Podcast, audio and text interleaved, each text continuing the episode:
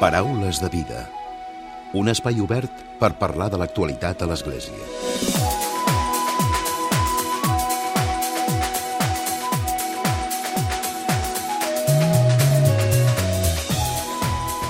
Què tal? Salutacions i molt bon dia, molt bon diumenge. Postpandèmia, una oportunitat per la fraternitat. Aquest és el títol de la declaració de final d'any del Centre d'Estudis Cristianisme i Justícia que ens demana que convertim la postpandèmia en una oportunitat per la fraternitat i no ens resignem a que prengui camins distòpics. De fet, el centre també presenta un llibre, un diari d'una pandèmia, que és un recull d'articles per fer una lectura social i teològica dels temps viscuts en confinament. Pel Centre d'Estudis Cristianisme i Justícia és necessari abandonar l'optimisme crític del tot anirà bé per reconèixer amb humilitat diuen que no tot anirà bé perquè ens caldrà carregar amb totes les realitats de sofriment que ha generat aquesta pandèmia, les persones que han mort, el drama que s'ha viscut a les residències de gent gran, les persones que s'han vist abocades a la pobresa i també l'augment de les desigualtats, per exemple, entre altres qüestions. Avui al Paraules de Vida en reflexionem, en parlem i ho fem en conversa amb en Pau Vidal. Ell és jesuïta i membre de l'equip de Cristianisme i Justícia i nou cap de l'àrea d'espiritualitat. I com sempre, tancarem el Paraules amb el comentari de l'actualitat de Francesc Romeu. Comencem.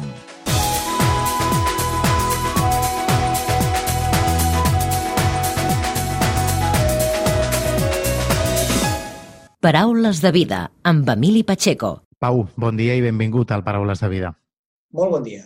Ja hem encetat aquest 2021, un any que comencem amb moltes incerteses, també des de la societat amb molta por per aquesta situació de, de la pandèmia. Vosaltres, des del Centre d'Estudis Cristianisme i Justícia, parleu de la postpandèmia i d'una oportunitat, en aquest cas, per incrementar la fraternitat, oi? Sí, des de Cristianisme i Justícia doncs, eh, acostumem a fer un paper que en diem el paper de cap d'any o la reflexió de cap d'any en la que fem una mirada al curs anterior i fem una proposta de cara al curs següent. No? I aquest 2021 doncs, volem mirar més enllà de la pandèmia, no sabem exactament ni quan ni com en sortirem, però sí que ens hem de preguntar com volem sortir-ne. No? De fet, com dèiem, no? aquesta paràbola clau, la de fraternitats, la de...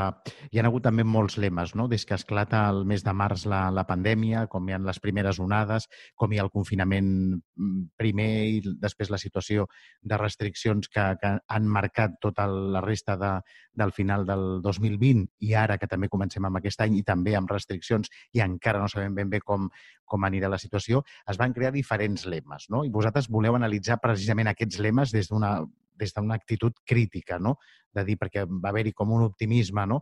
molt generalitzat de que tot sortiria bé, però després també sortien eh, veus dient no, no tot sortirà o no tot ha de sortir bé. No? Sí, mira, hem escollit sis lemes que, d'alguna manera, quan un lema esdevé popular, doncs si més no, recull com l'esperit del temps. No? I els lemes que hem, com deies tu, no? hem analitzat críticament, però també constructivament, doncs són, eh, primer, la imatge de lluita, lluitem contra el virus, és, és el que hem de fer. Eh, la imatge de tot anirà bé, eh, després també aquella cançó del duo dinàmico de resistiré, és el que hem de fer, hem de resistir. Aquesta convicció que tothom ens deia queda't a casa i què vol dir quedar-se a casa i què implica quedar-se a casa, si sempre és positiu la imatge del cuidar-se, cuidem-nos, i també la última, eh, la normalitat. I què vol dir nova normalitat? No? Aquests sis lemes els hem, diríem, d'alguna manera treballat i n'hem fet una lectura crítica i constructiva per imaginar un 2021, eh, com deies tu, més construït des de la fraternitat. Doncs parlem d'aquests no? d'aquests anàlisis, d'aquestes anàlisis que feu de, de manera constructiva, com, com també dius. No? Per exemple, el, el, el jo em quedo a casa. No? Esclar, per una banda, Jo em quedo a casa eh, jo crec que reconeix quelcom molt necessari que hem fet com a societat, és a dir, eh, limitar, limitar l'activitat social, limitar la interacció per assolir un bé comú més gran. No? El que nosaltres hi veiem una dificultat molt significativa eh, perquè reforça una de les tendències més perilloses de la nostra societat eh, occidental i sobretot del, de qualsevol sistema que, que vol ser més autoritari i més controlador, no? que seria cada vegada persones més individuals i més individualitzades, tancades a casa, amb menys interès pel bé comú i amb menys espais públics en els que poder incidir i construir alternatives conjuntament. Per això ens preguntem, sempre ens hem de quedar a casa? O hi ha aquells que no es poden quedar a casa? O hi ha aquelles dones que van haver de confinar-se amb el maltractador a casa? Per tant, que entenguem que aquesta idea de quedar-se a casa és una anormalitat que no hauríem d'assumir eh, com a un futur desitjable. De fet, se n'ha parlat molt no? de, a nivell global, no? No, no potser amb aquest lema, però sí a nivell global, de que la pandèmia també estava comportant això, no? una reducció de, dels drets, de les llibertats, no? de, de la manera d'actuar, perquè fins i tot molta gent, o per no dir la totalitat de la ciutadania, eh, quan veu a la policia, doncs té com un cel recel, no?, de dir, què em diran ara si no porto la mascareta? Si no... És evident que hem de portar la mascareta, no? Però quan, quan la gent mira la policia potser d'una altra manera, no?, de, de l'ordre, no?, de les ordres, les forces d'ordre que t'estan vigilant constantment, no? Sí, jo crec que això també enllaça amb un altre dels lemes que analitzàvem, aquest de lluitem contra el virus, durant un període, sobretot a l'inici del confinament, al març, abril, maig, el discurs belicista, el discurs eh, agressiu, violent, de que això és una guerra, de que els eh, treballadors sanitaris són soldats, que nosaltres hem de, hem de ser obedients. Clar, el missatge de la por i el missatge belicista, doncs, en comptes d'apel·lar la responsabilitat personal, eh, ens, ens posa tots dins un sac i no permet la diversitat, no, permet, no permet eh, el dissentir i nosaltres creiem que més aviat el que cal és posar al centre la vida, la tendresa, les cures, la comunitat, més que no pas el control i la vigilància crítica. Hem de recordar que les primeres rodes de premsa, quan es feien, quan tot es va centralitzar al govern de l'Estat, les primeres rodes de premsa per informar sobre aquesta situació de pandèmia, sobre aquesta situació sanitària de vulnerabilitat, era precisament amb militars, no? que això era un, una imatge molt forta, no? És que, de fet, el llenguatge de les guerres és sorprenent, diríem, que per, per intentar reduir la incidència d'un virus, d'una pandèmia, haguem utilitzat un llenguatge bèl·lic i fins i tot és el que deies tu, no? unes persones uniformades que són les que s'encarregaven doncs, d'informar-nos. Mm-hmm. Al llarg de la història, la ciència mèdica eh, no ha tret els exèrcits al carrer per combatre una pandèmia, sinó que el que ha fet és, a part de generar eh, millores als hospitals i, i el sistema mèdic, doncs, proposar millores en els habitatges, en el clavegaram, a la nostra manera de viure a les ciutats, eh, millorar l'alimentació dels infants. I això ens queda pendent, és a dir, la pandèmia no només és un drama mèdic, sinó que sobretot és un drama social i polític, del qual milions de persones estan quedant al marge. És un drama que continuarà o que anirà més, malauradament, aquest proper 2021, Pau? Doncs des de Cristianisme i Justícia pensem que si aquest cuidem-nos es redueix al nosaltres, al, a la meva petit nucli de convivència, que cada és més petit, cada vegada és més petit, cada vegada és més amenaçat, més individualista, doncs les perspectives són, són més aviat eh, dificultoses o desesperançadores. No? Nosaltres creiem que aquest cuidem-nos ens ha d'obrir a l'altre, ens ha d'obrir a la humanitat sencera i per això utilitzem aquesta imatge del papa Francesc en la seva última encíclica reclamant que tant de bo puguem encetar l'era de la fraternitat, que aquesta consciència de vulnerabilitat apresa i compartida com a única humanitat ens obri a una fraternitat més real. Creieu des de Cristianisme i Justícia que aquesta pandèmia potser el que està fent també és que la gent, no sé si, si parla d'insolidaritat o de sí, de, de mirades amb recel no, a l'altre, perquè, per exemple, quan anem pel carrer, eh, la gent ja mira no, si hi ha un grup de persones o d'amics que estan parlant, encara que mantinguin les distàncies, que vagin amb mascareta, però ja es crea la situació de ei, vigileu perquè així no anem bé. No? És dir, que tots també fem com, com una mena de policies, no? controlant a la resta de gent.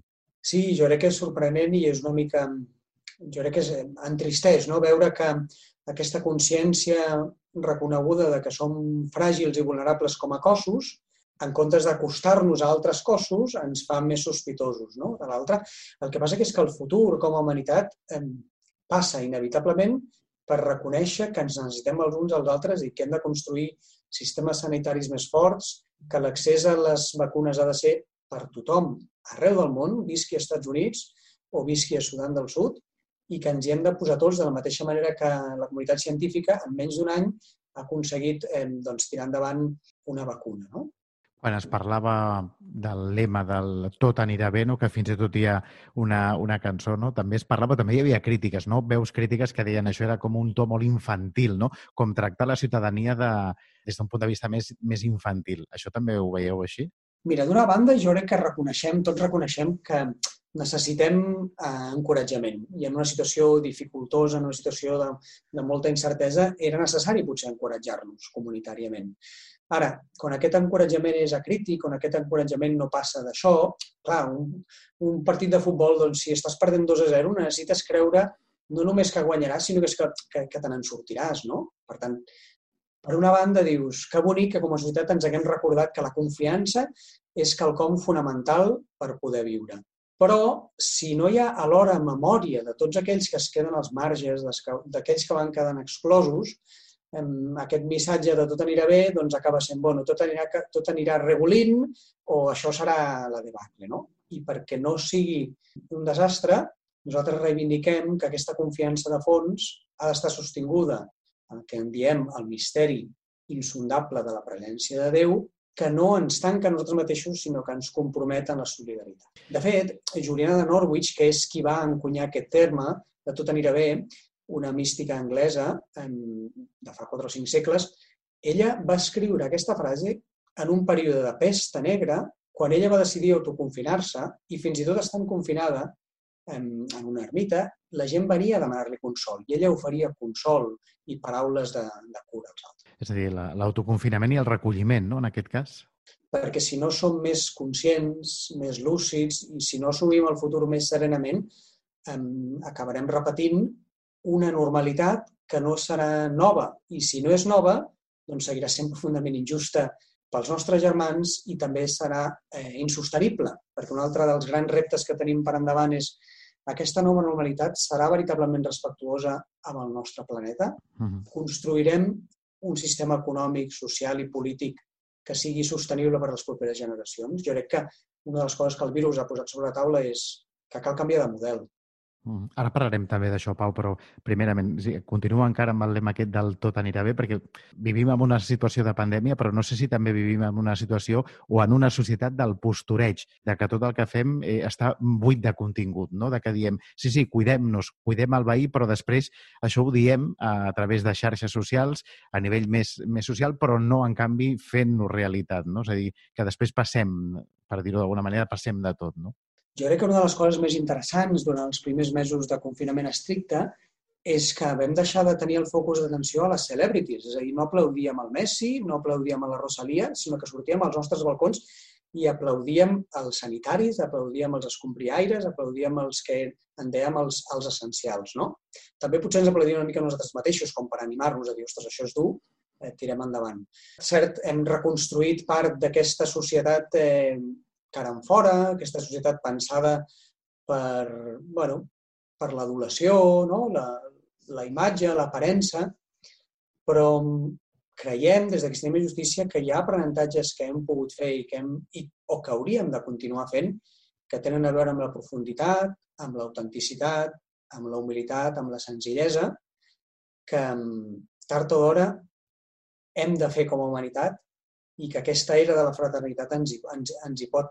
És a dir, nosaltres estem decidits a avançar en aquesta direcció. Parlem ara, Pau, de, del que ja apuntaves, el que ja avançaves, d'aquesta nova normalitat. De fet, res serà com, com era abans. No? Mm, es parla de que això és un avís de la natura, de biodiversitat, amb el canvi climàtic s'ha accelerat la pèrdua de biodiversitat i que això provoca doncs, que hi hagi un increment de pandèmies, situacions molt, molt complicades aquí és on ara hem d'aprendre la lliçó, no? de que res serà igual i que és que no pot ser com, com era fins ara. No, no pot ser, no, no pot ser-ho. I, I aquesta convicció no, no ha de ser una convicció eh, pessimista o desesperançada, sinó ha de ser, ha de ser propositiva, crítica però propositiva, perquè, perquè com a humanitat tenim molts exemples al llarg de la història que ens n'hem sortit de situacions crítiques i molt crítiques. El que és cert és que si no posem un aturador, si no posem un límit al sistema capitalista eh, devorador de nosaltres mateixos i del planeta i de les nostres societats i de la nostra diversitat cultural i religiosa, doncs eh, no trobarem alternatives, no? Clar, perquè tornar a una situació anterior a la pandèmia en el fons beneficia uns pocs i també ho hem vist. Eh, les grans corporacions, les grans multinacionals tecnològiques han vist els seus beneficis triplicats, quadruplicats i quintuplicats quan una part important de la humanitat està patint unes conseqüències devastadores. Veurem eh, si el nombre de refugiats i desplaçats interns o migrants l'any vinent o l'altre s'incrementarà pel fet de que aquells que podien viure de la pesca a les zones del Senegal, de la costa del Senegal, ja no poden fer-ho i, per tant, buscaran alternatives en un lloc on hi hagi més possibilitats. De fet, es parla de, de crisi sanitària, però també es parla de crisi social. No? També una de les coses, malauradament, que es veuen a totes les poblacions és l'increment de gent, de famílies demanant ajudes a, a Càritas, no? amb cues llargues, llargues, llargues de, de gent que va buscar el més bàsic com són els aliments. No? O sigui, aquesta derivació de la, de la crisi sanitària a crisi, com deies, social. No? crisi social i, i crisi econòmica, no? sens dubte, perquè no es tracta només de que aconseguim una vacuna, no es tracta només de que ens quedem a casa, sinó com fem perquè la nostra economia giri al voltant de la persona, giri al voltant de la vida i giri al voltant de les cures. Ens hem acostumat en les últimes dècades a una economia basada en el consum i, per tant, eh, una economia basada en el consum ha d'acumular i, i ha d'acabar amb els recursos del nostre planeta, però això no és sostenible. Per tant, hem de refer el camí i hem d'apostar per aquests tipus de societats en els que potser hem de fer menys coses. Ens hem acostumat a no viatjar durant quasi bé un any.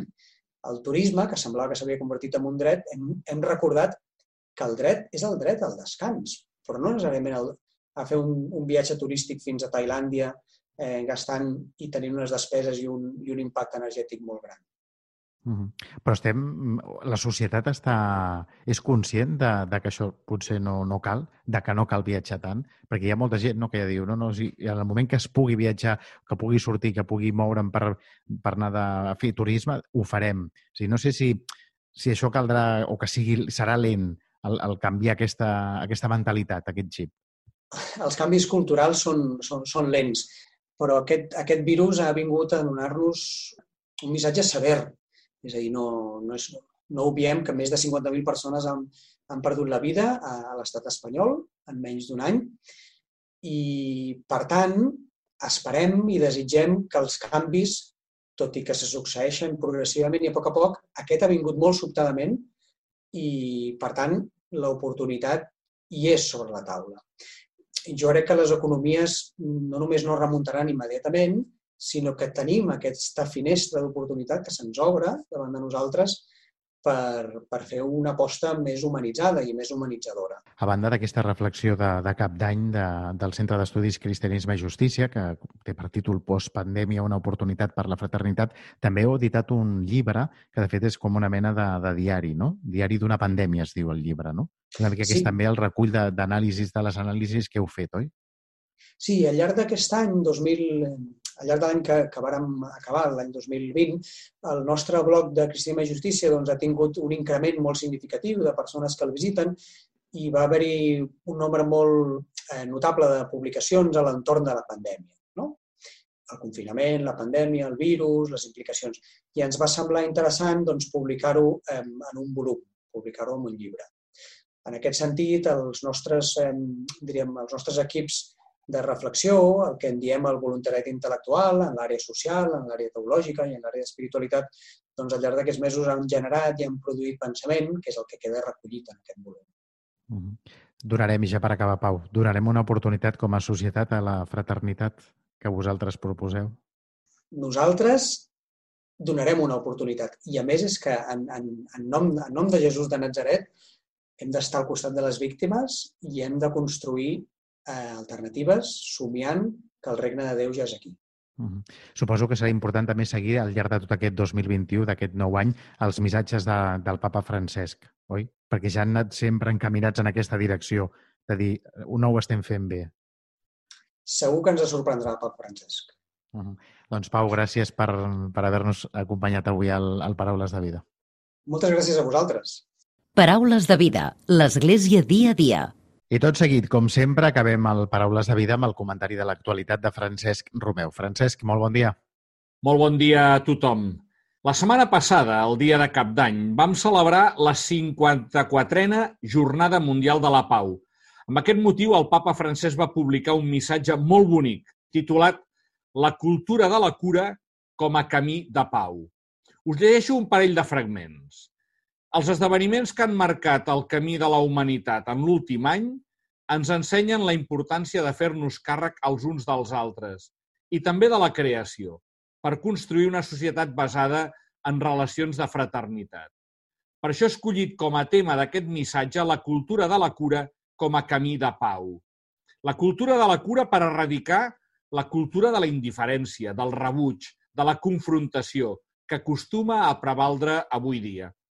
En aquest temps en el que la barca de la humanitat sacsejada per la tempesta de la crisi avança amb dificultat a la recerca d'un horitzó més tranquil i serè, el timó de la dignitat de la persona humana i la brújula dels principis socials fonamentals poden permetre'ns navegar amb un rumb segur i comú. Com a cristians, Fixem la nostra mirada en la Mare de Déu, estrella del mar i Mare de l'Esperança. Treballem tots junts per avançar vers un nou horitzó d'amor i de pau, de fraternitat i solidaritat, de suport mutu i acollida. No cedim a la temptació de desinteressar-nos dels altres, especialment dels més febles. No ens acostumem a mirar cap a una altra banda, sinó comprometem-nos cada dia, concretament, per formar una comunitat de germans que s'acullen recíprocament i es preocupen els uns dels altres. Per altra banda, el papa francès també ha convocat un any especial dedicat a la família, que s'inaugurarà el proper 19 de març del 2021, festa de Sant Josep i data en la que s'escau el cinquè aniversari de la publicació de l'exhortació apostòlica postsinodal Amoris Letizia, Precisament, a partir de la celebració d'aquest aniversari, el papa oferirà a l'Església l'oportunitat de reflexionar i aprofundir en el contingut d'aquesta exhortació apostòlica, fruit d'un intens camí sinodal de l'any 2015 i que encara ara hauria de continuar en l'àmbit pastoral. La iniciativa, que porta el nom d'any Família Amoris Letizia i que estarà marcada per propostes i instruments pastorals que es posaran a la disposició de les realitats eclesials i familiars, conclourà amb la celebració de la desena trobada mundial de les famílies a Roma al juny del 2022. L'any de la família Moris Letícia és una iniciativa del papa francès que es proposa arribar a totes les famílies del món a través d'unes propostes espirituals, pastorals i culturals que es podran portar a terme en les parròquies, diòcesis, universitats, moviments eclesials i associacions familiars. L'objectiu és oferir a l'Església oportunitats de reflexió i aprofundiment per viure concretament la riquesa d'aquesta exhortació apostòlica a Moris Letícia. Justament, l'experiència de la pandèmia ha posat en relleu el paper central de la família com a petita església domèstica i la importància dels llaços comunitaris entre les famílies, que fan que l'església pugui ser una família de famílies. Aquesta realitat mereix un any de celebracions perquè sigui posada en el centre del compromís i de la cura de cada realitat pastoral i eclesial. Dintre dels objectius que s'han proposat per aquest any, hi ha la voluntat d'ampliar la mirada i l'acció de la pastoral familiar perquè es converteixi en una acció més transversal, per incloure els esposos, els nens, els joves, les persones grans i les situacions de fragilitat familiar. Pel que fa als materials, sabem que es podrà comptar amb un projecte de 10 vídeos a Moris Letícia, on el mateix papa Francesc explicarà els capítols de l'exhortació apostòlica, juntament amb unes famílies que donaran testimoni d'alguns aspectes de la seva vida quotidiana. Cada mes es difondrà un vídeo per despertar l'interès pastoral per la família en les diòcesis i parròquies de tot el món. I amb el hashtag coixinet I am Charge es difondran un seguit de vídeos testimonials sobre el protagonisme eclesial i la fe de les persones amb discapacitat. També hi haurà el projecte En camí amb les famílies, amb 72 propostes pastorals per preparar la trobada mundial de les famílies. En aquest material es proposaran 12 itineraris per posar en pràctica i que van des de la preparació al matrimoni fins a l'atenció a la gent gran, passant per la vida de la parella i l'educació dels fills i l'ajuda a les famílies ferides. Molt bon diumenge a tothom! Paraules de vida amb Emili Pacheco. Directe als valors. Directe a tu. Paraules de vida. Segueix-nos a Facebook i Twitter. Arroba Paraules de vida.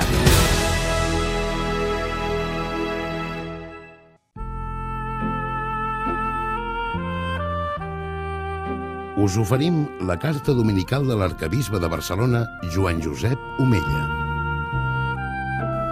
Déu vos guard. Miro de reull l'any 2020 que acabem d'acomiadar. Crec que no seré agosarat si dic que tots els volíem deixar enrere com més aviat millor, perquè ens ha generat molta tristesa i un regust amarg que tardarà en esvair-se. Ha estat un any marcat per molts fets i circumstàncies, però sobretot el recordarem per la pandèmia que ens ha fet perdre l'alè i que serà difícil d'oblidar. Ha estat un any de molta confusió, preguntes sense resposta i el més dolorós ha estat un any de moltes pèrdues materials i humanes. Ens hem adonat dels límits que tenim, però també de la nostra solidaritat i capacitat de treballar pel bé comú. Sense dubte, Déu ens hi ha ajudat. Enmig d'aquests dolor i incertesa, és un regal contemplar l'esdeveniment del verbe fet home. Déu va plantar la seva tenda entre nosaltres. Quin regal descobrir que tots podem ser fills i filles de Déu. Som fills de Déu en el segle XXI i som capaços de transformar la societat al nostre voltant. Només ens cal una mirada plena d'amor envers tothom, sense fer distinció de raça, sexe o religió. Cal que siguem capaços de prendre la iniciativa de donar el primer pas per estimar com ho va fer Jesús. Tenim la possibilitat de ser protagonistes d'un canvi real i no sempre ens en recordem. El Pla Pastoral Diocesà, iniciat l'any 2018, ens està fent viure una experiència singular.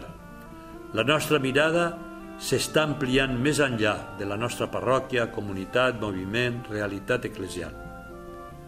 Dia rere dia caminem com la gran família de l'Església diocesana, estem creixent en fraternitat, descobrim la joventut, sent joves de cor i d'esperit, amb els joves i ara aturem el pas per fer costat als nostres germans més fràgils.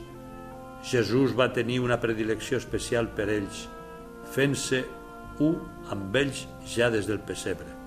En posar en marxa el nostre pla pastoral, sentíem la necessitat de fer un esforç creatiu amb una actitud humil d'escoltar i de servir, atents a les realitats i possibilitats – Davant de la pandèmia hem pogut constatar més que mai el sentit de la nostra missió. Seguim sent col·laboradors de Déu i volem junts fer aquesta opció pels pobres, de ser església dels pobres, de ser parròquies, comunitats i grups al costat dels més necessitats, de, de, treballar per la justícia, de denunciar quan calgui les injustícies, d'acollir els immigrants i els refugiats, això diem en el pla pastoral sortim. Sí, sortim, continuem sortint durant aquest 2021. Mirem al nostre voltant amb la mirada que tindria Jesús. Descobrim les pobreses que ens envolten, la bellesa dels nostres joves i la força de la fraternitat que revitalitza les nostres comunitats i ciutats. Benvolguts germans i germanes, desitjo que en aquest any nou, entre tots, fem créixer la nostra experiència de fe deixant-nos acompanyar per Déu.